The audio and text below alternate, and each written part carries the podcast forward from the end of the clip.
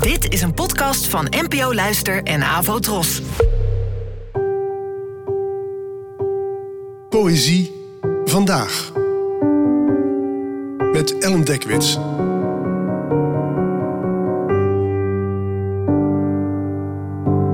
Hallo, fijn dat je luistert. Het gedicht van vandaag heet Damascus trok zich terug en werd geschreven door de Syrische dichter Gayath al-Modoun, geboren in 1979. Het werd vertaald door Duke Poppinga. En uh, deze keer wou ik graag van tevoren iets vertellen over het gedicht.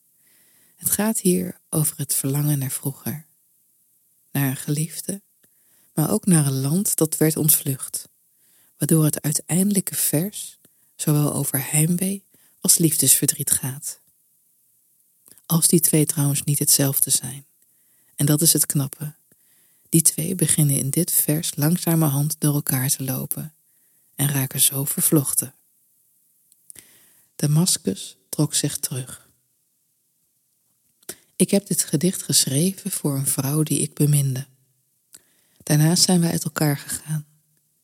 Zij heeft nu een andere man en ik heb dit gedicht. Toen ik Damascus verliet, zat ik vast op mijn plek en trok Damascus zich terug. Dat is precies wat Einstein probeerde te zeggen over de relativiteitstheorie. Wat Whitman probeerde te zeggen in grasbladen en wat ik probeerde te fluisteren in jouw oor toen jij probeerde van mij te houden. Damascus trok zich terug en ik had mijn hart zorgvuldig in mijn koffer gepakt. Mijn hart, dat jij zo goed kent, jankte als een wolf in de woestijn van Jordanië, terwijl ik het spoor van een oude honger volgde, omdat ik sinds Damascus me had verlaten niet genoeg liefde meer had ontvangen. Geduld is mooi en God is een toevlucht, staat in de Koran geschreven. Ik voedde mijn hart, dat jij zo goed kent, met de heesheid van je stem, opdat het tot rust zou komen. En ik blies er een wolk hashish in om het te kalmeren, terwijl de Bedouinen, die mijn hart had aangetrokken, rondzwierf met de Arabieren van het noorden. Hoe kan ik in jouw huis wonen, als God heeft beschikt dat ik in elke vallei smacht naar mijn geliefde?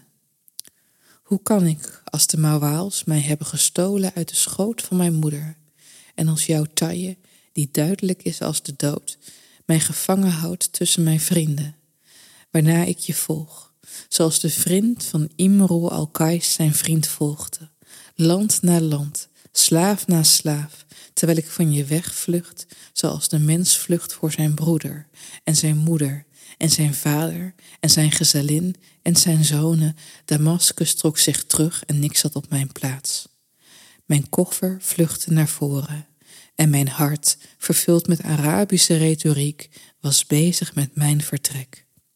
Mijn hart dat je zo goed kent. Steeds wanneer ik het s'nachts uit zijn hol haal, zodat het de maan kan zien, jankt het je naam. Maar ik ben harder dan steen en mijn hart dat je zo goed kent, wordt niet milder. Bedankt voor het luisteren en tot de volgende keer. Abonneer je op deze podcast via de gratis app van NPO Luister. Daar vind je ook een handig overzicht van het complete podcastaanbod van de NPO. Afro Tros, de omroep voor ons.